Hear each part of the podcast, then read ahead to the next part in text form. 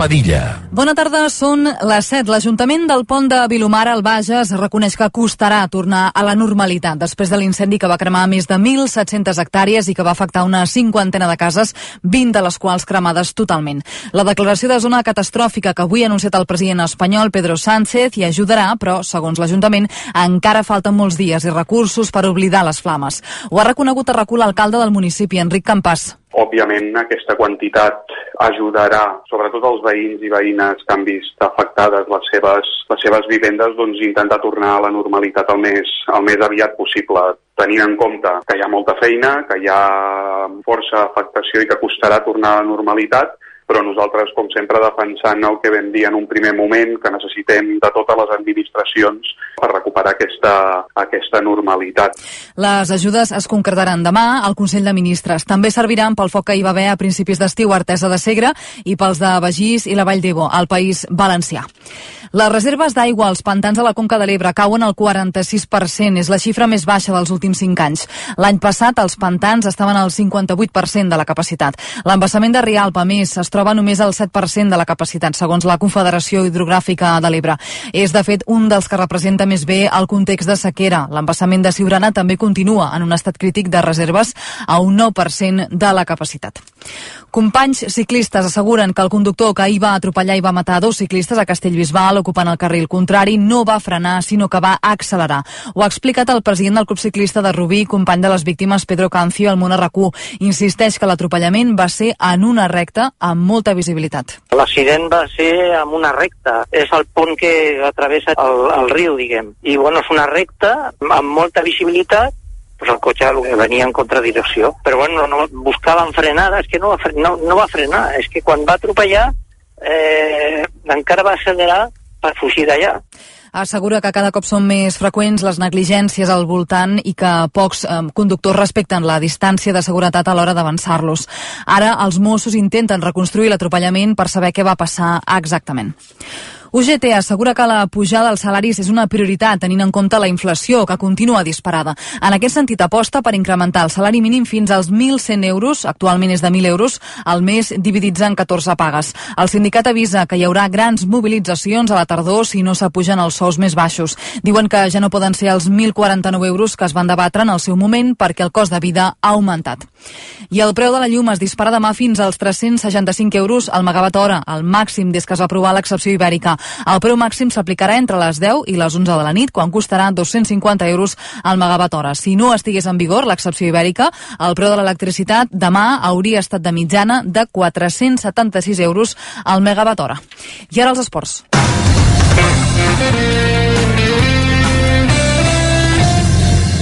Amb Gerard Ballera. D'aquí a poc menys de 3 hores a les 10 de la nit el Girona repa el Getafe en l'últim partit de la segona jornada de primera divisió, el primer a Montilivi després del retorn del club a la màxima categoria del futbol espanyol. L'últim fitxatge, Reinier Jesús, podria jugar, l'han inscrit aquesta mateixa tarda. El partit es podrà seguir en directe des de mitja hora abans a rac Abans a les 8 també juga un altre partit a primera, l'Elx Almeria al Martínez Valero. En futbol internacional destaca un partit aquesta nit de la Lliga Anglesa a les 9 al Manchester United-Liverpool. A la Lliga Italiana, en joc ara a la mitja hora, el Roma 0, Cremonese 0 i a tres quarts de nou començarà el Sampdoria Juventus. I el Barça femení ha fet públics tots els dorsals de les jugadores per la nova temporada. Graham Hansen agafa el 10 que va deixar lliure Jenny Hermoso i el primer equip té 24 fitxes, entre elles la de Salma Paralluelo, que lluirà el 17. Emma Ramírez, amb el 25, tindrà fitxa del filial i si el Barça vol incorporar un nou fitxatge, abans haurà de donar sortida a algú. En aquest cas, l'escollida seria Andrea Falcón. I el temps, acabarem el dilluns sense canvis importants, es mantindrà el domini del sol i aquesta calor força controlada al conjunt del país. Al Pirineu i a les comarques de Girona i Barcelona, en canvi, encara s'hi escaparà algun ruixat o tronada de poca estona. Més probables al voltant del Montseny i entre el Berguedà, el Ripollès i la Garrotxa. Res més per ara, us deixem amb apartaments Hawaii i tornem amb més informació d'aquí una hora.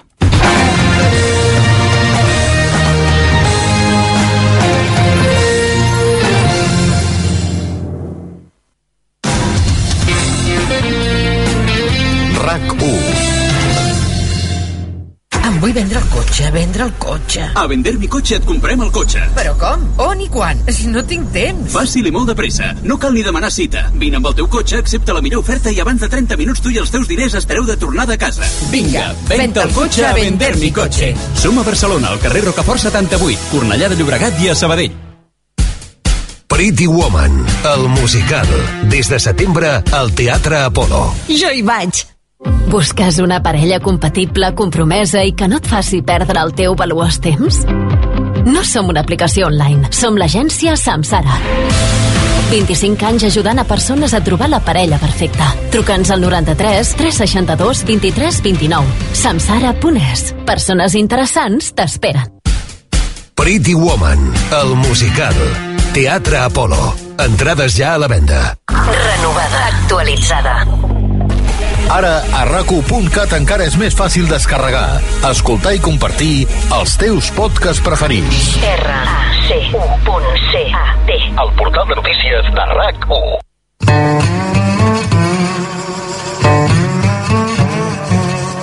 Segurament ara mateix vostè està de vacances. Tot l'equip de rac també. L'últim de marxar de la redacció ha estat un guionista que ha robat un tàper d'ensaladilla de la nevera. Un cop arribat a peu de platja, l'ha obert i s'ha donat que el director de l'emissora hi havia deixat un pòstit on deia Si estàs llegint això, enhorabona. Ets el presentador dels vespres d'estiu. El nostre protagonista ha decidit no renunciar a les vacances i enregistrar els programes des d'un apartament en un punt indeterminat de la costa catalana. Potser no és cap estrella. Potser no ho fa en directe. Però a l'empresa li ha sortit molt bé relació qualitat-preu. Benvinguts als apartaments Hawaii. Amb Marc Bala.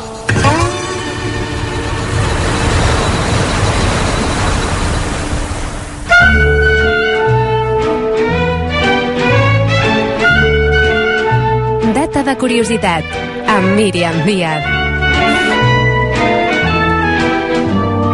Sí, ja ho diu la veu. Data de curiositat amb Míriam Díaz. Què més hem d'explicar? Si tenim aquí la Míriam, tenim a l'Anna Lárcia, tenim els apartaments fantàsticament bé. Com estàs, Míriam? Ai, mira, una mica així... Fa, mira, fa dos dies, però literal, eh? Dos dies que estàvem eh, acabant temporada, diguéssim, convencional, Mm. i dient, no, ja comencen les vacances, i jo dient, no, mm, vacances des dels apartaments Hawaii, vine quan vulguis, parlem Mm. de d'efemèrides, i ara ja s'està acabant. S'està acabant. És l'última. Em fa paneta, eh? Em fa Sí? paneta perquè aquí s'hi està molt bé. Sí, hem, hem passat un estiu, trobo, molt agradable. Molt, molt, molt. Sí, però molt. jo sóc partidària de, si queda una setmana, aprofitem-la al màxim i no Totalment. pensem que és l'última. I deixa'm agrair també tota la gent que ens ha, donat, ens ha donat suport per xarxes, dient que ens escoltava, que, que els feien molta companyia, que han passat un bon estiu amb nosaltres. Des d'aquí una abraçada a tota aquesta Una abraçada, una abraçada a tothom.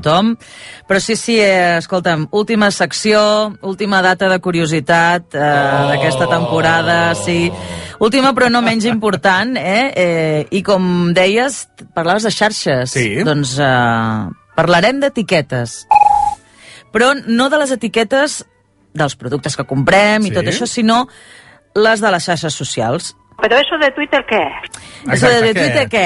Val? Uh, això es deia la gent als inicis, eh, de que es, es va crear el, el Twitter, però ens remuntarem a uns anys uh, més tard perquè um, demà és el Dia Mundial de l'etiqueta per excel·lència de Twitter, eh, el que es coneix com a hashtags, Sí. que van néixer el 23 d'agost del 2007. Pot ser que també es diguin coixinets, o no és, és això? No. El coixinet seria el, no sé. el, el símbol. El símbol que és el va- símbol és el el coixinet. símbol. I la- I tot sencer és la part l'etiqueta. I tot sí, Escrita és sencer és etiqueta. Ah, correcte. perfecte. Però, òbviament, eh, com estem en una invasió dels anglicismes, la majoria de gent els diu els hashtags, Hashtag, no? Els hashtags. Um, això va passar que el 2007, aquest 23 d'agost de 2007, Chris Messina, que és un usuari de, de Twitter, va proposar mm, fer servir aquest símbol del coixinet per agrupar el contingut d'un cert tema no? d'una manera ordenada a la xarxa i que algú doncs, a través eh, d'aquesta etiqueta pogués seguir tot el que es deia sobre un tema en concret. Jo ho I la, recordo, eh? ho, eh, que sí? Sí, jo és recordo haver com, una, una funciona explosió això, sí. de I després hashtags. has pensat, doncs és una bona idea, perquè si a tu t'interessa un tema, cosa que després no ho fas, eh? però si tu dius, no sé, doncs m'interessa eh, el Barça, doncs Mm. mm. poses eh, coixinet, Barça, Barça. i aviam què diuen. Exacte. Eh, llavors, mm, com tu, va ser tan eh, acceptada aquesta proposta que, va, eh, que actualment, atenció, eh, s'escriuen una mitjana de 125 milions d'etiquetes al dia. Déu-n'hi-do, Uau. eh? Al dia. Um, I, òbviament, això ha traspassat a Twitter, i ja es fa servir, per exemple, a Instagram, no? a Facebook, a Snapchats, a, a LinkedIn, fins i tot. Eh, tu saps quin va ser el primer hashtag? Estic convençut que era és el a- aquí sufriendo. És el que va crear aquest eh, noi, Chris Messina. Aquí sufriendo? No. Es diu, eh, és el coixinet Barcamp, que en anglès vol dir reunions per compartir i aprendre en entorns oberts. Carai, I per tot això... això- en una sola paraula vol dir? És una mica el significat de bar, de bar camp. Eh, De fet, la Societat Americana del Dialecte eh, va escollir la paraula hashtag, eh, utilitzada per això, per anotar doncs, aquests temes o crear tendències, eh, com la paraula més popular al 2012 als Estats eh, Units. Mm -hmm. eh, després he trobat un informe eh, digital que va fer eh, HotSuite, Això fa servir molt tu, eh, que et veig a a la feina. el HotSuite, per programar, per programar els tuits. Sí, sí, sí. O sigui que tu no estàs allà quan fas tuits, eh? És el HotSuite et permet programar diferents xarxes. Perfecte. tant a Twitter com a Instagram i ja et queda tot programat.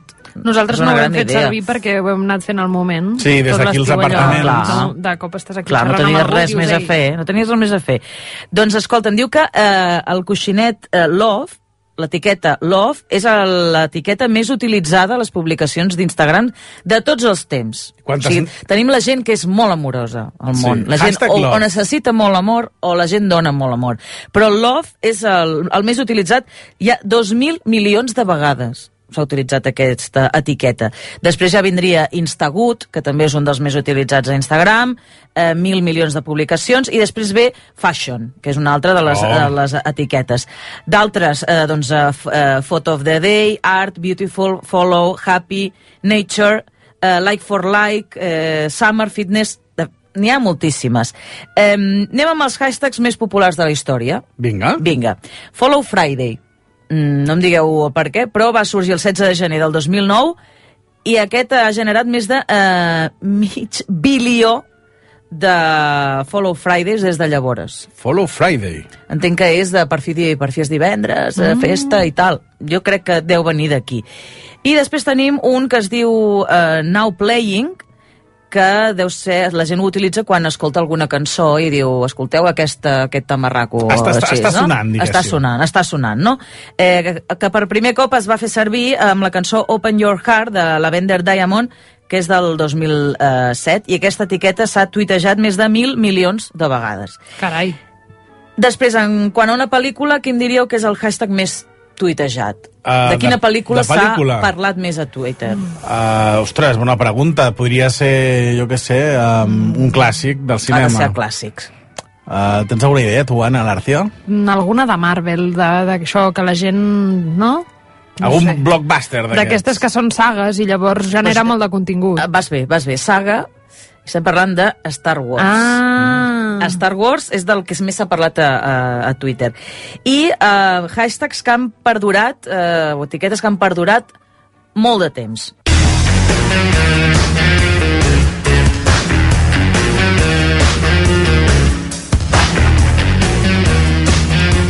Us sona, eh? Home, i tant. Sí. Us sona, eh? Jo, jo cantava Jackson. abans Pirat. Pirat. Pirat? Pirat.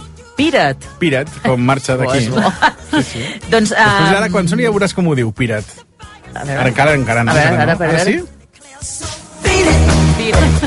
Piret. Piret, eh, una mica? Piret més que... Bé, eh, doncs l'etiqueta RIP Michael Jackson, val, que és referent, eh, doncs, a, òbviament, a la mort de Michael Jackson al juny del 2009, es va mantenir durant moltes setmanes entre el més comentat de la comunitat eh, tuitaire. Eh, per tant, és un dels hashtags doncs, més perdurables de la història des de que existeixen doncs, les etiquetes a, a Twitter.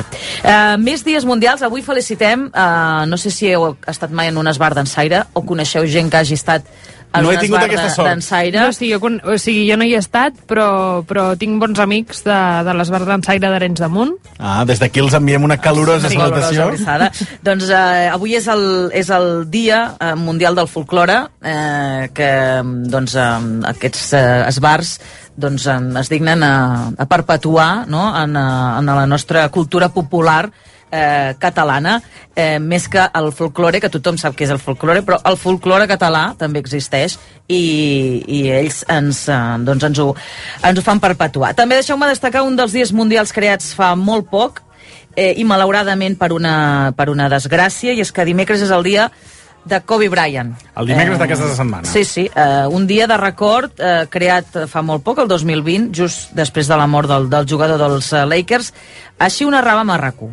Comença vaja, a, bullir i molt eh, la xarxa amb la informació que ha avançat eh, TMZ, que ha anunciat eh, la mort de Kobe Bryant, del que va ser durant eh, molts anys jugador dels Lakers en un accident d'helicòpter a Los Angeles avui diumenge.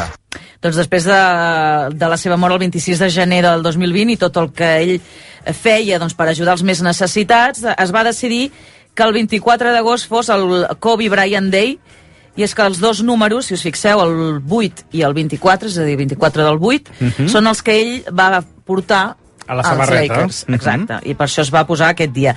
Um, recordem que, per qui no ho sàpiga, tot i que és molt coneguda la seva història, va ser líder de la NBA en anotacions, eh, rècord personal de Kobe Bryant de 81 punts en un sol partit, el 2006 i va aconseguir l'anell amb els Lakers el 2009 i el 2010 però després va començar a tenir doncs, lesions eh, continuades i això el va obligar doncs, a retirar-se el 2016.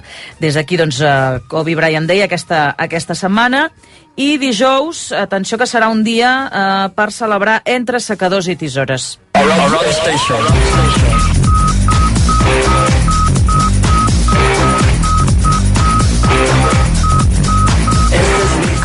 Perquè eh, dijous eh, eh, celebra el Dia Internacional del Perruquer. Apa! Eh? Això no Dia ho sabia que, jo. sí, sí, també tenen el seu dia eh, i és un dia des del, del segle XVII que Doncs tenen mira, aquest dia instaurat. Des d'aquí vull saludar la Yolanda, que és la meva perruquera des de que tinc 13 anys. Jo, l'Anna i la Gemma, que també Vale, són les meves mira, perruqueres, eh, perquè no sé si sou d'aquells que, que sempre han mantingut el mateix. Jo no. Si us Jo ha no. agradat una, ja, eh, sempre aneu al mateix? és, a que la la, mateixa? Yola- és que la Yolanda és ja com part de la família. Veus? jo no, perquè jo tinc un problema que que a molta gent li agrada, evidentment, però a mi no em preguntis per què, no, que quan agafes molta confiança amb una perruquera és allò que et fa moltes preguntes Eh, i, eh. i, i és, és de xerrar, i a mi això no A tu no- m'acaba... no t'agrada que et diguin- Ah, No, perquè a vegades estic allà i estic pensant en les meves coses i llavors sempre canvio i me la jugo perquè no em donin conversa. Doncs a mi m'encanta parlar amb la Yolanda perquè a més és molt carnavalera i sempre està preparant coses ja de Vinga. cara al carnaval i, i, i m'explica moltes Molt coses. bé, veus? Des d'aquí un petonet, Yolanda. Un petonet a tots els Que per cert nostres sempre està, perruquers i escoltant una, perruqueres. sempre està escoltant una altra emissora a la perruqueria. Crec que ara no m'està escoltant ara mateix. Potser fa vacances Potser encara. fa vacances. Potser sí. Doncs mira, des del segle XVII que hi ha aquest eh, dia internacional, que és quan, quan la professió de perruquer la feien homes, val? Mm, s'ha de dir, gent de la, de la plebe, que es dedicava doncs, a cuidar i mantenir les perruques que feien servir els, els nobles, eh, i per això se'ls va dedicar aquest dia. És una mica com el que fa poc va fer, mm, no sé si ho recordes, eh, ho vam parlar al versió RAC1, una perruqueria de Lleida que els van contractar per pentinar els gegants Cert. de la ciutat de, de Lleida, perquè clar, mm, els gegants també necessiten un... Anar a la perruqueria. Exacte, eh, perquè i de més després de pandèmia, que no van sortint tota la pandèmia, portaven dos anys Despentinadíssims. eh, despentinadíssims. Així ho explicava el Guillem Estadella, que va parlar amb ells amb una trucada al versió. Bueno, érem quatre, quatre estilistes de, que formen part del meu equip d'aquí de Mata Campanya Perruquers i vam estar pot- potser tres hores. 3 hores per gegant? O, o... No, en total, en total. Ah, bueno, vale, vale, vale. Bueno, ei, esteu més estona amb les iaies que venen a fer-se la permanent, no? Bueno, més o menys, eh? Sí? Surt més o menys igual, no? Surt més o menys igual, sí, però aquests Doncs no sé sí, mira, eh, més o Ah, menys escolta, clar, van no estar sé les si- mateixes si hores una amb, els, amb els gegants que, que amb les dones que a vegades es van a fer la, la permanent. Però imagino jo, que els gegants són el cap més gran, eh? de 3 hores a la perruqueria. Sí? Uf, uh, i tant. Ui, jo no podria. Quan m'he hagut de fer tipus queratines i coses d'aquestes, o, o, o metges o això, bueno, Jo a vegades de acabo tan hores. farta només de tallar-me les puntes que dic que no me la sequin ni els cabells. És que no m'agrada gaire a mi anar a la perruqueria. És que hi ha gent que no li agrada l'estirat, eh? No, és... O sigui, la, com et deixen de... Però a vegades s'ho prenen malament i a mi em sap Eh. greu, eh? Perquè penso, no, no, deixa'm, deixa'm el moll, Sí, és sí, jo igual. també li dic, dic a vegades dius, deixa-m'ho, deixa-m'ho. Eh, tenim perruquers eh, famosos, val? Eh, no parlarem de Juan Miguel, eh, el perruquer de Castelló, també Llongueres. tenim eh, la Vane del Versió. Sí, i tant, la Vane. Yo no disimulo, si me gustas te miro. Llevo los leggings envasados al vacío. Escribo. que també WhatsApp es dedica a fer aquest tipus de, de cançons que ella creu que són molt exitoses, però si parlem d'homes, perquè com que hem dit que és el dia dels perruquers, el més conegut de Catalunya, i mm, com tu deies, és Llongueres. Hola, sóc el Lluís Llongueres i la meva passió és la teva bellesa. Per això estic orgullós de presentar-te. Eh, Llongueres que va començar com a ajudant de perruqueria, no t'ho perdis, als 14 anys, a la prestigiosa perruqueria Can Dalmau.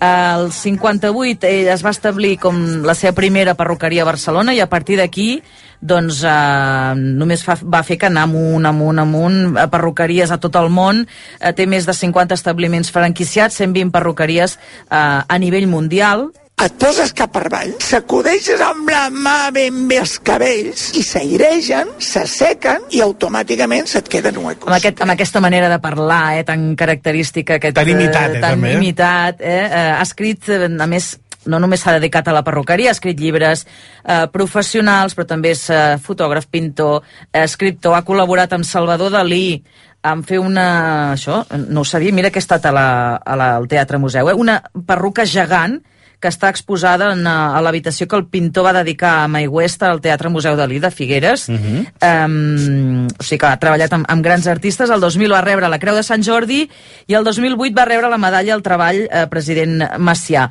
Després va venir la polèmica amb la seva filla perquè el 2010 la filla el va acomiadar mitjançant burofax eh, perquè bueno, li va anar cedint les regnes de, del negoci i així doncs, eh, li va pagar i després d'un conflicte legal van arribar a un acord amb un intercanvi d'accions i participacions i, i assumpte arreglat, però bé, acabar una mica la teva carrera així doncs eh, ja em diràs com, com es defineix. Però també, si hem de parlar de perruquers, eh, a mi un que m'encanta, el més famós de la gran pantalla, és aquest. This is the story of a boy with scissors for hands.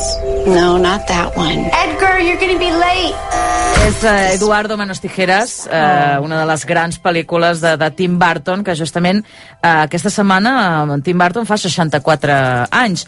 La història d'un home, eh, recordem, creat artificialment, que té tisores en lloc de mans, l'adopta una família de classe mitjana que viu en el típic barri residencial eh, doncs de- d'Estats Units i acaba enamorat de la seva germanastra eh, Kim i es converteix en el perruquer de totes les dones del barri. M'encanta aquella escena que comença eh, a Sí. anar-hi gent i tothom queda al·lucinat amb aquells pentinats que ell fa i es comença a fer famós. I no farem spoilers? No sé si No es pot farem- fer spoilers d'una Jo pel·lícula dels que sí. 90. Jo crec que sí, jo crec que ha prescrit ja. Uh, sí, doncs, uh, però bé, uh, us la recomanem. Uh, no, he, no he pogut buscar en quines plataformes es pot uh, trobar, però que la gent busqui, que Segur jo crec que la que algun trobar, lloc, home, és molt clàssica algun lloc hi aquesta. és, perquè hi ha de ser, hi ha de ser. I va, que ja que estem d'efemèrides, també deuen caure aniversaris, Míriam. Home, n'hi ha, ha uns quants, n'hi ha uns quants. Mira, avui un artista que fa 27 anys.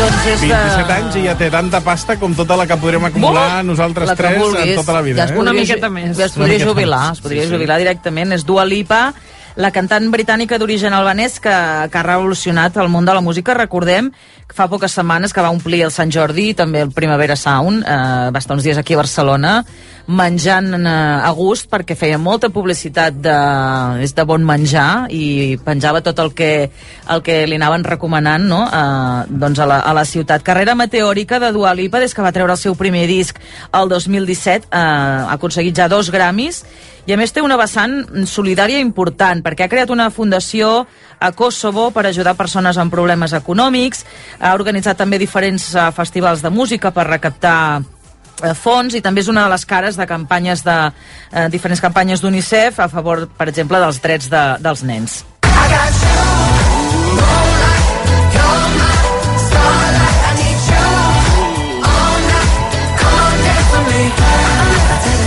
I també, eh, deixeu-m'ho dir, és un referent feminista, ell es considera feminista i ho porta, doncs, eh, ho exposa bastant, fa molta campanya a través eh, de les xarxes socials per lluitar contra el sexisme a la indústria eh, musical, li dona també molta importància al tema de la salut mental i ha denunciat mm, també l'alta taxa de suïcidis que, que hi ha entre les dones artistes, que diu que és gairebé el 70% més alta que, que el que és a la població mundial normal, que no és de, del gremi. Políticament eh, s'ha rebel·lat contra el Brexit, contra el mur que va construir Trump a la frontera amb Mèxic, o també ha donat suport a la campanya a favor de l'avortament a l'Argentina. Per tant, s'ha mullat per moltíssimes causes, eh, no només al seu país, sinó a nivell eh, mundial. Per exemple, també no li ha costat gens denunciar una companyia d'avions perquè li va donar cacauets a la seva germana quan se li havia dit que era al·lèrgica i va tenir un, Ja és mala sort, un eh? atac i, i, i ho va denunciar públicament, vull dir que és una noia que no té, no té manies. Uh, més referents musicals uh, femenins que fan anys.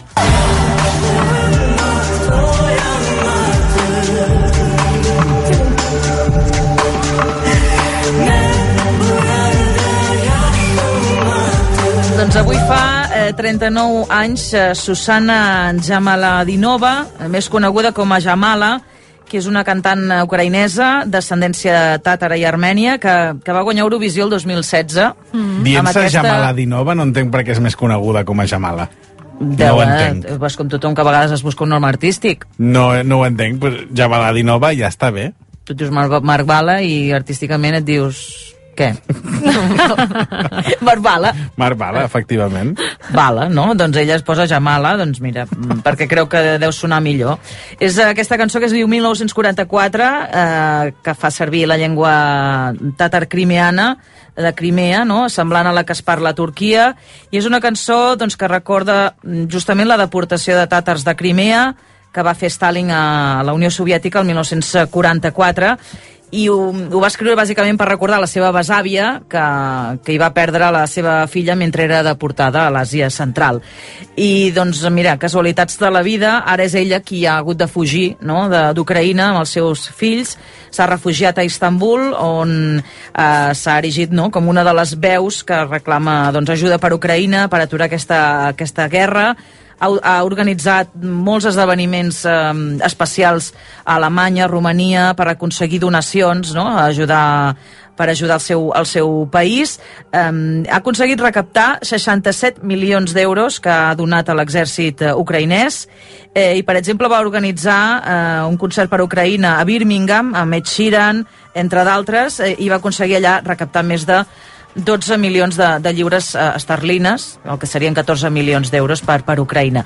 I també va venir a Barcelona a la festa que es va fer prèvia a Eurovisió, que era el primer any que, que es feia, van reunir molts eh, artistes que havien actuat o que havien d'actuar a Eurovisió i eh, Jamala doncs, en va parlar als micròfons de RACU. Buenas noches, Barcelona. Muchas gracias. Eurovision Eurovisió és un fenomen, és una gran comunitat basada en la llibertat, la igualtat i la democràcia. Avui Ucraïna protegeix aquest valor, no només per nosaltres, sinó per tota Europa. Sense vosaltres, això seria molt dur. Si us plau, esteu al costat d'Ucraïna. Moltes gràcies. Pau i amor per tothom. Thank you so much. Peace and love to everyone. Doncs eh, aquesta és eh, Jamala, eh, doncs, eh, que una mica ha complert el que la cançó que va dedicar a la seva besàvia, no? Ha rememorat eh, Mhm. aquest, aquest eh, tema d'haver de marxar del seu, del seu país. Va, i per acabar, eh, amb quines efemèrides podríem posar, diguéssim, la cirereta final a aquesta secció que ens has fet aquest estiu tan fantàstica, Ai, sí. que és data de curiositat. A veure, em fa molta paneta, Que, eh? per cert, avui ja és data de caducitat, de caducitat, també, ja podria s'acaba. ser, que- podríem dir-li que és data de, de caducitat. Mira, doncs, eh, entre totes les efemèrides he volgut triar-ne un parell. Eh, La primera és que vull parlar del síndrome d'Estocolm.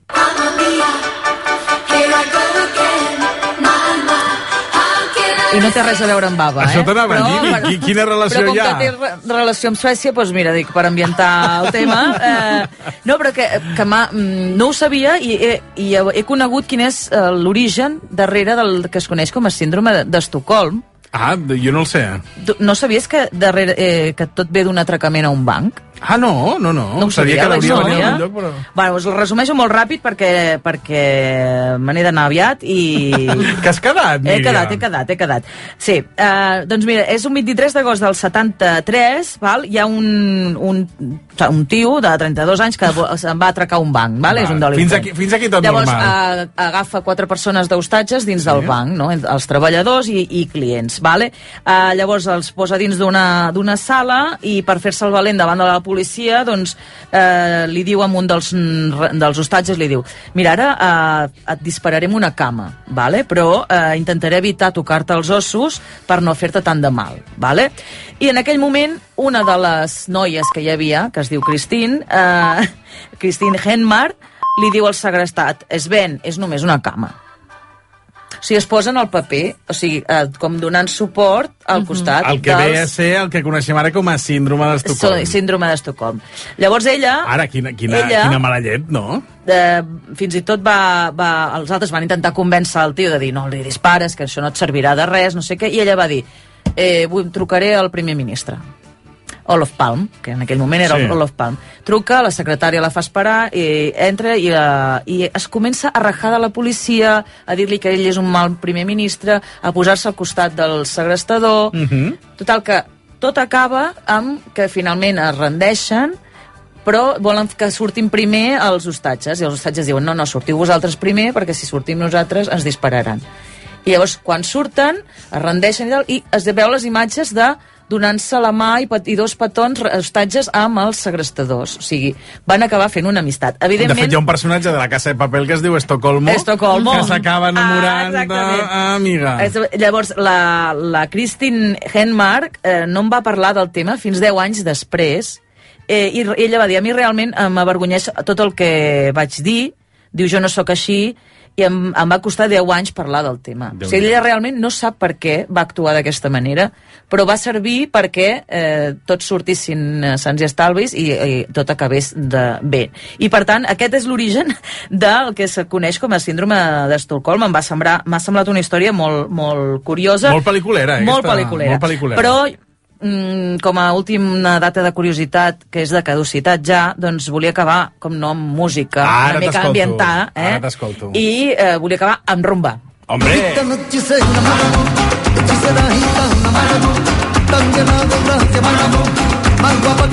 I a més amb rumba catalana, perquè dissabte farà 8 anys que ens va deixar el rei de la rumba, Pedro Pubill Calaf, més conegut com a Paret.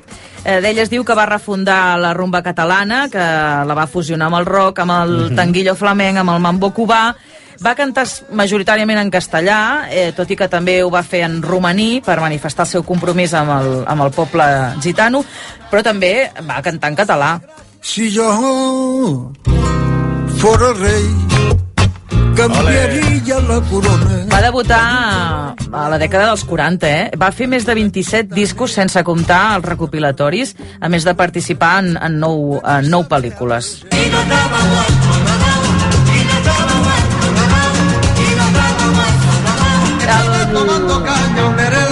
juliol del 2014, quan estava acabant el seu primer disc íntegrament en català, va anunciar que tenia càncer i va morir molt poc després, aquest 27 d'agost del 14 a la Quirón.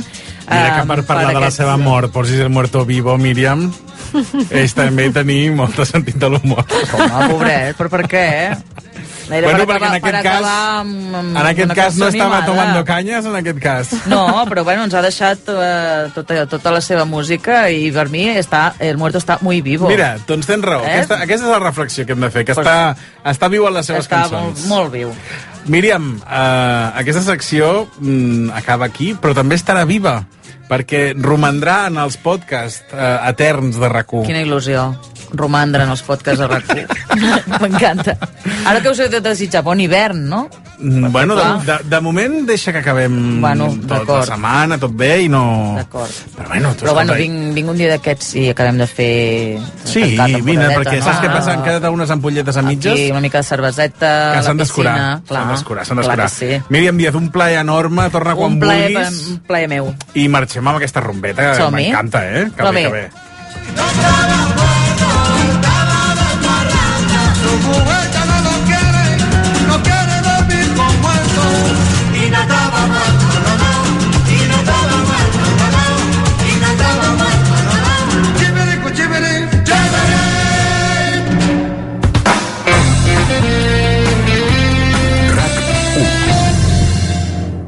Graham Bell va patir un bon mal de cap quan el van demandar per l'autoria del telèfon. L'assegurança de la llar de línia directa amb accés a una assegurança de metge online de segur que l'hauria alleujat. Canvia't a línia directa i emporta't una baixada de fins a 100 euros en l'assegurança de la llar. No sabràs si tens el millor preu fins que vinguis directament a líniadirecta.com o truquis al 917 700 700. El valor de ser directe. Consulta les condicions. Llavors, amb l'alarma ens podem quedar tranquils, encara que només hi anem per vacances. Exacte. Encara sigui una segona residència, si s'hi detecta qualsevol cosa, nosaltres rebem els senyals i les imatges. I la policia també pot comprovar-les. I fins i tot desallotjar la casa. I amb l'app pots veure casa teva quan vulguis. I si és necessari, hi va un vigilant per veure si tot està bé. Aquest estiu, protegeix la teva llar davant de robatoris i ocupacions amb l'alarma de Securitas Direct. Truca ara al 944 45 46. RAC1 i l'Ajuntament del Catllà presenten Castells a RAC1 amb Xavi i Marica a la Diada Castellera del Catllà. Des de la plaça de la Vila, una plaça diminuta amb tres colles castelleres gegants. La colla vella dels xiquets de Valls, els castellers de Vilafranca i la colla jove xiquets de Tarragona. Dissabte 27 d'agost a dos quarts de sis de la tarda, Diada Castellera del Catllà. Tornem al Catllà, al Tarragonès, per viure una gran exhibició de castells que no et pots perdre en una plaça on s'han viscut actuacions històriques. Descàrrega! Dissabte 27 d'agost, Castells a RAC1. La més castellera. Tots som u. Amb la col·laboració de Repsol. RAC1. Aquest dilluns, el Girona juga a RAC1. A les 10, des de Montilivi, Girona-Getafe. Després de la derrota a València, l'equip de Mitchell vol sumar els primers punts a la Lliga en l'estrena a casa. Viu el partit a rac des de mitja hora abans amb Miquel Agut i tota la tropa. Aquest dilluns, a partir de dos quarts de deu, Girona, Getafe i tu diràs fins a la una de la matinada. El Girona Juga rac és una gentilesa de CaixaBank, Estrella d'Am i xarxa fort de Catalunya. RAC1. Tots som 1. RAC 1.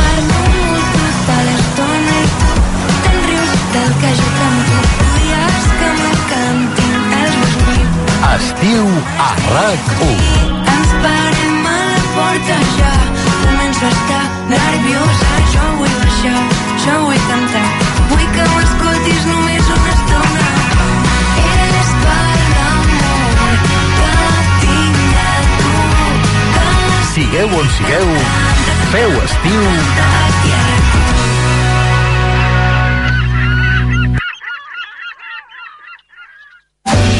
El bufet de refregits d'apartaments Hawaii ja ha obert. No pateixin, no deixen pudor a la roba. Gaudeixin d'aquest millor moment de la temporada de rac que hem seleccionat per vostès.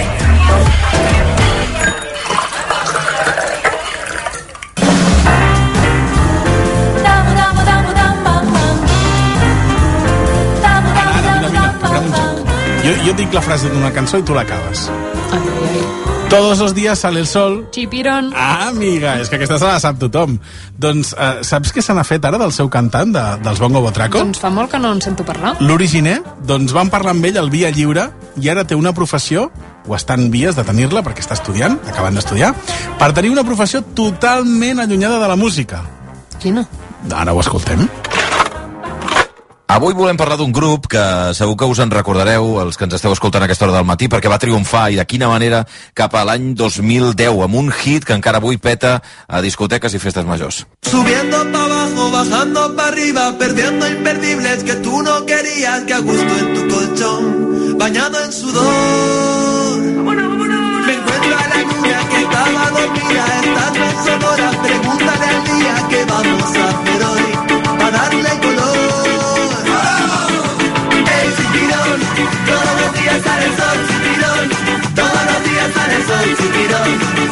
los días sale sol. ¡Ey, chipirón! Todos los días sale el sol, chipirón. Todos los días sale el sol, chipirón. Todos los días sale el sol. Evidentment que us en recordeu perquè va ser un hit, va ser... En fi, ho va empatar moltíssim, aquest Todos los días sale el sol, que en fi, tothom li deia el Chipirón, i que va fer molt, molt, molt, molt, molt popular la banda que, que la cantava. Tenien milions de reproduccions al grup de Tarragona que es diuen Bongo Botraco. La cançó, de fet, formava part del seu primer disc d'estudi, després en va venir un altre. rebotosa. Wow, te quiero rebotosa. Wow, rebotosa.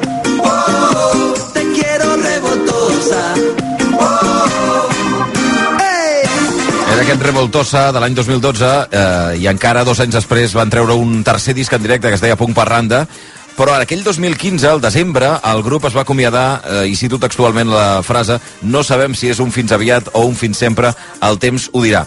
Clar, han passat sis anys d'aquell dia, eh, d'aquell comiat de Bongo Botrac, una banda que havia triomfat moltíssim, i la pregunta que ens podem fer aquesta hora del matí és què se'n va fer? Què se'n van fer dels seus integrants i què se'n va fer del, del projecte? Avui podem saludar el qui va ser el compositor i vocalista de Bongo Botraco, Uri Giné. Què tal? Com estàs, Uri? Bon dia. Molt bon dia, Xavi, com estem? Bueno, ha passat sis anys i la pregunta te la trasllado tu. Eh, què se n'ha fet de Bongo Botraco, del projecte? Eh, on queda de la teva vida, Uri? De moment queda un pèl lluny, queda un pèl lluny, no t'ho negaré. Um, han passat moltes coses, uh, a la vegada sembla que no, que no hagi passat gens de temps, però, però de moment sembla que, que s'allarga, que s'allarga i que de moment no hi ha, no hi ha previst que, que torni. On ho tens col·locat en la teva vida? És una cosa del passat, senzillament? És algo molt important com per, per, per obviar-ho, és a dir, sóc plenament conscient de que de que totes les oportunitats que, que m'ha donat eh, no les hagués tingut d'una altra forma i estic super agraït i em considero molt afortunat. Però sí, queda, queda un pèl lluny i em veig estrany. De vegades em posen el vídeo i dic, ostres, és que... No et recordes de és tu com mateix, si t'ensenyessin les fotos de quan tenies 15 anys, saps què vull dir? Estàs de festa amb 15 anys, però és el mateix. O sigui, hi ha un puntet, un puntet de vergonya, un puntet de pensar que potser no ets exactament la mateixa persona Efectivament. i un puntet de veure com un bonic record, segons com. És una etapa de la, de la vida i quan era adolescent i seguies bandes i tot plegat, Sí. I, i, I recordo que em feia com a rabieta, no? Quan, quan una banda ho deixava i paraven i deia no, és que ara fem alguna nou. Necessitem un- un descans, necessitem un canvi. Realment ho entenc. és que és així, és així. La gent creix, tots creixem, i quan no, fas, quan no tens un ofici com el de músic, no et veus uh, contínuament um, amb, amb el passat davant, no? Però quan, quan ets músic és així, és així que tot el rato estàs uh, treballant sobre algo que vas fer fa molts, molts, molts anys. És la feina Però del músic. fet, has fet un canvi de vida o continues sent músic, Uri? Estic canviant de vida. Estàs en procés de canvi de vida. procés, És, és un procés, Vale. això. Vale. És a dir... um, Anirem, mira, anirem per parts, Sí, però primer t'he de preguntar una cosa, perquè jo he entrat... Eh, una cosa que pot fer tothom, l'originer, eh, el vocalista i compositor de Bongo Botraco, d'aquest xipirón i de tot aquest èxit de, de principis del, del 2010, eh, és anar al seu Twitter i dir, a veure, aquest senyor què fa? I a la bio, crec que, no sé si encara ho diu, eh, deia que, a la biografia, que Sí. vius a Los Angeles. Tu vius a Los Angeles? Ah, bueno, això no ho he canviat. Aquest és un altre. No, ja no vius a Los Angeles, Ja però no has visc- viscut a Los Angeles, He no? viscut a Los Angeles, uh, he estat vivint dos anys, i vaig estar vivint dos anys, i va ser una, una experiència brutal. Uh, vaig decidir anar-hi sense gaires pretensions ni idees fetes de què passaria, però amb ganes de, de fer música i, i d'aprendre. I em va donar l'oportunitat de, de conèixer i parlar i xerrar amb gent uh, que admiro moltíssim del món de la música, i va ser brutal, van ser do- dos anys brutals. Eh, de fet, vaig fer també molt, però hi vas moltíssima anar- música. I vas anar a, a, a ser músic, diguem-ne, eh? Sí, a fer música. Una mica a fer les veure- Amèriques, una mica. Sí, una mica, diguem- diguem-ne així. Sí, sí, sí, sí. I, I vaig estar escrivint molta música, de fet. Um, vaig estar, pues, això també coescrivint amb gent a qui admiro moltíssim. Um, vaig estar escrivint um, amb un amic meu de fa molts anys, el Sebastián de Crystal Fighters, amb qui... Com un dels membres de Crystal Fighters, que és amic teu. Sí, fa molts anys que fa molts anys que som amics i hem estat escrivint algunes coses junts i ells pugen molt cap a Los Angeles a escriure música, a escriure discos i això, i hem estat, vaig estar escrivint moltíssima música. De fet, crec que o sigui, ha de sortir. Eh, tinc moltes ganes de publicar, de publicar aquesta música, però eh, la vida porta per camins que no t'esperes i, i és possible que, que hagi d'esperar una miqueta. Explica'm, aquesta música era per a d'altres o era per tu? Era, era per mi, era per mi. El que passa és que és una música... És molt diferent, però no té no res... aquesta, no té- aquesta cosa festiva de Bongo Botraco, eh? No té res a veure, però res a veure Mhm. amb res del que he fet abans, amb Bongo Botraco, ni tampoc amb, amb, amb la música que majoritàriament s'escolta més ara mateix a Catalunya i a Espanya, que és 90% reggaeton. No té res a veure amb res d'això. És molt diferent, però a la vegada és una música que, que trobo que em defineix molt i que és la música que he escoltat des de sempre. És a dir, jo sóc un nen dels 90, em vaig criar eh, i vaig créixer escoltant a Nirvana, Red Hot Chili Peppers, eh, Muse, eh, Strokes, MGMT i coses d'aquestes. I al final, eh, malgrat que qualsevol persona que em conegui només pel Xipiró em dirà què m'està parlant aquest, eh, aquest, Sí, clar, perquè aquesta penses que m'està dient el rock aquest. dient? Eh, no, rock norantero. Ostres, Ah, què, què, sí, què és clar, això? clar, clar, no pot ser més diferent. Però ho publicaràs, llavors. Sí, algun dia, algun dia ho publicaré. Trobo que el canviar de vida i, i, i, i prendre'm una mica um, més amb calma la música m'ha donat l'oportunitat de, de, de, de retrobar-me amb el plaer de la música per la música, per crear. Seguir andando, tarareando esta canción. Com que no tinc la cançó nova, la música nova, haurem de seguir tirant eh, Bongo Botraco, no? Sí, sí, a les sí. xarxes, eh, l'originer, insistim, estem parlant amb el, amb el qui va ser el frontman no? de, de Bongo Botraco, amb aquest èxit del 2010. Eh, a les xarxes diu, em llanço d'avions i ara també aprenc a pilotar-los. No fotis. O sigui, Uri, ets pilot d'avió? Estic en ello, sí. Bueno, tècnicament sí, puc dir que sóc pilot d'avió, perquè ja he passat un examen amb el qual eh, em puc dir pilot, sí.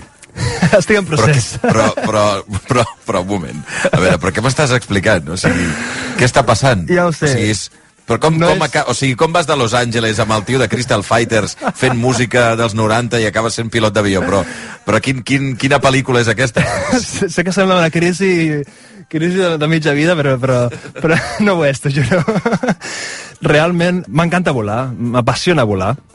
M'ha agradat sempre, de fet, eh, i això és real, quan era nen, cada nit, però cada nit de la meva vida quan era nen, somiava que volava. Jo sol, eh, no amb avions, jo sol volava. Mm -hmm. um, i, I de fet fa cinc anys em vaig, em vaig treure el títol de paracaigudista, em vaig fer paracaigudista. Però quan vas plegar de Bongo Botraco Sí, et vas sí, fer sí, paracaigudista? tal qual, tal qual. Però per fer què? O sigui, quina, quina professió és ser No, cap, paracaigudista? cap professió. cap professió. Jo sé Vas treure un paracaigudista. títol per saltar. Efectivament, per saltar jo sol. Hòstic. Um, m'encanta volar, eh, m'encanta el, el, el xut d'adrenalina de, de, de, de, de volar, d'estar sobre els núvols, però sobretot trobo que m'agrada molt, eh, i estic descobrint-ho ara mateix inclús, la part més romàntica, podríem dir, de, de, de, de volar, no? de veure el món des de, des de dalt, eh, per sobre els núvols, la, les postes de sol, queda molt cliché, però és, és així, m'encanta, les aurores boreals és algo que trobo que és, que és fascinant. I era algo que, que, que em rondava pel cap de fa molt de temps, eh, però clar, era una mica, com tu deies, pues una bogeria, sembla una bogeria. Però trobo que al final li dones toms, possiblement la pandèmia també inclús eh, hagi pogut tenir alguna que veure Perdona, però pots estudiar abans de la pandèmia o després? després de la pandèmia. Sí, sí, sí. sí Què sí. dius? Sí, sí, sí, tal qual. Però a veure, un moment, a la pandèmia tu estaves a on? A, a Los Angeles? La Estaves vaig- aquí? Estaves allà? Just em va enganxar que venia de tornada de Los Angeles a, Sí. a passar uns mesos Um, o sigui, tu tenies, venies allà eh, vivint la vida a Los Angeles, Sí. fent música Sí, sí, amb sí, sí, grans sí. músics i tal, i arribes Sí. a Catalunya. Bueno, aquí m'estaré un parell de, de mesos, i Sí. llavors què? I la pandèmia arriba. Passo el confinament eh, aquí a Catalunya, va estar molt bé, amb la meva família, i sí, una mica um, trobo que, com possiblement li pugui haver passat a, a molta gent que ens estigui escoltant, i que possiblement sigui la única cosa positiva que, que, que, que em pugui haver tret d'aquesta pandèmia global, és l'oportunitat de, de, de fer una mica de, de viatge introspectiu i, i mirar-me a mi mateix, reflectir i, i veure què és el que em fa feliç, què és el que no, um, què és el que tinc ganes de fer i, i sobretot, um, on em veig d'aquí 5, 10 anys. I un cop vaig fer tot això, vaig, vaig, vaig adonar-me que, que tenia ganes de fer-ho, que, que, que realment um, és que la vida és molt curta. La vida és molt curta i el que no facis ara potser ja no ho faràs. I pot semblar una bogeria, però no vull fer-me vell i estar pensant què hagués pogut passar. Llavors, et, o sigui, acaba la pandèmia, o, bueno, no ha acabat encara, però No acabat et, et passes aquests, aquest confinament i llavors decideixes, doncs m'apunto a una escola de vol. O, o el què? Perquè, clar, Sí, sí, no sé... sí, sí. Una- per, una- ser, per ser, perdona, per ser Per- pilot de què? Per ser pilot de- d'avions dels grossos. bueno, de, de qualsevol, però, però sí. de passatgers?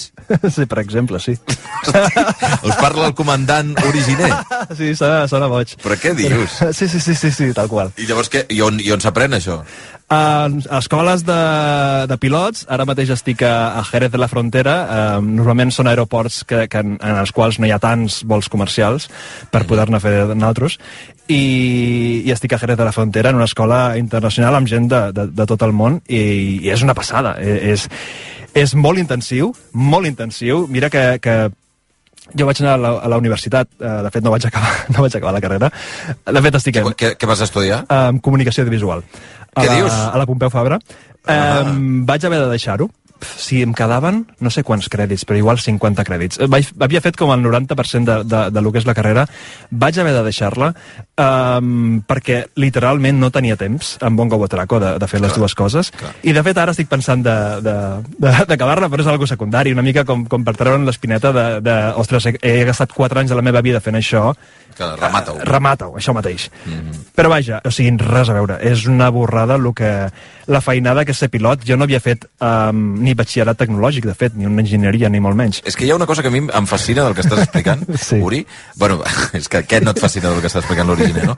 Insisteixo, amb el vocalista de Bongo Botraco, que ha fet aquest canvi de vida amb la pandèmia i va decidir ser pilot d'avions comercials. És, eh, hi ha una cosa que, que esgota, diuen els grups de música, no?, i que cansa, que és el, que és el dia a dia, no?, que és la gira, i ara viatges, agafes un... Sempre diuen, sí. agafes un vol, no saps on ets, no saps Sí. sí. ets a Los Angeles, després ets a Roma, després ets a no sé on... Totalment I tu m'estàs dient que canvies de vida per fer el mateix, que és agafar avions tot el dia. O sigui, Sí, tens, tens tota la raó, no té cap sentit. Però, eh, perquè realment el que dius és molt, molt, molt cert.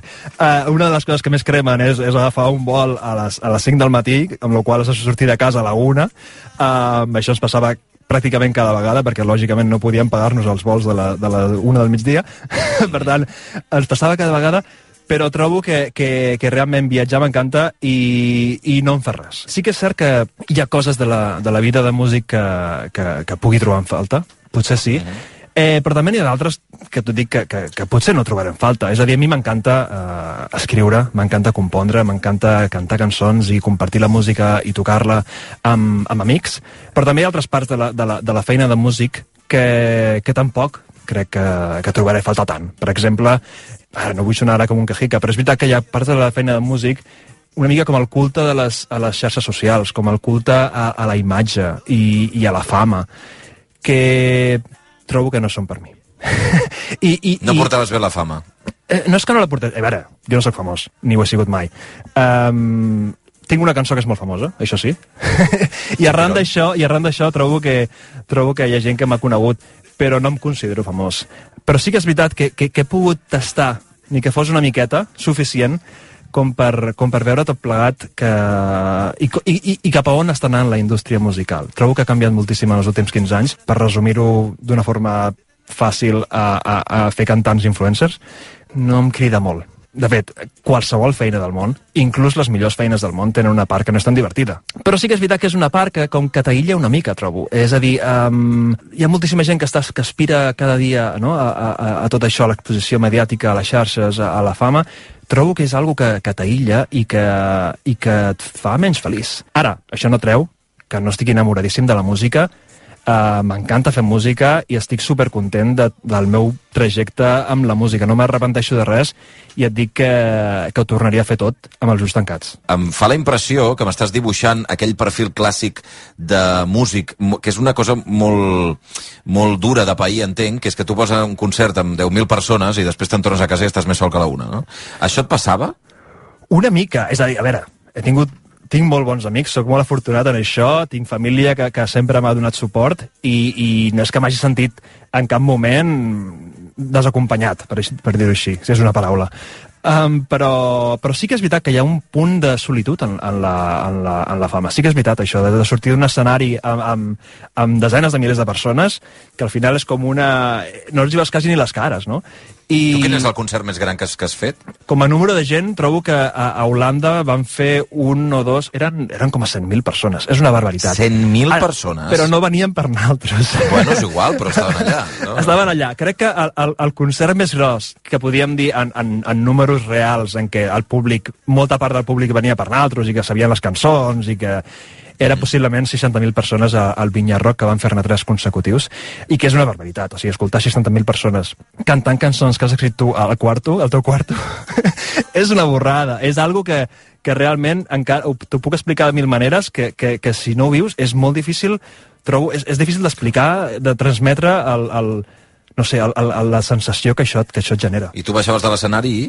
Bueno, eh, a veure, evidentment, Amb, amb alta excitació, evidentment, Clar, perquè, està, perquè és a tot bé, i- ho has donat tot. i, i, i veus a molta, i veus a molta gent, però, però i molts amics, i retrobes, i, i, i gent que t'ha vingut a veure, és a dir, és divertit, és divertit, però sí que hi ha una part que trobo que no és tan divertit com la gent s'imagina. Ara si algú no et conegués de res, saps? Sí. I a mi em va passar una cosa, jo vaig estudiar comunicació audiovisual com vas fer tu. Ah, mira. I, I recordo el primer dia que vaig haver de dir que era periodista. Eh, Sí. Que ja ho era, exercia, però eh, saps que vas al metge i et, et fan omplir una fitxa i em diuen professió i dius, hosti, Sí, sí, i ara sí, li he de sí. dir a aquesta senyora que sóc periodista, però si encara... Bueno, sí, però no, però si avui ara algú que desconegut et trobes amb, amb una fitxa en blanc i, i et pregunten el nom, sí, Uri, de cognom, Giner, eh, professió, què, què li respondràs? És la putada, això.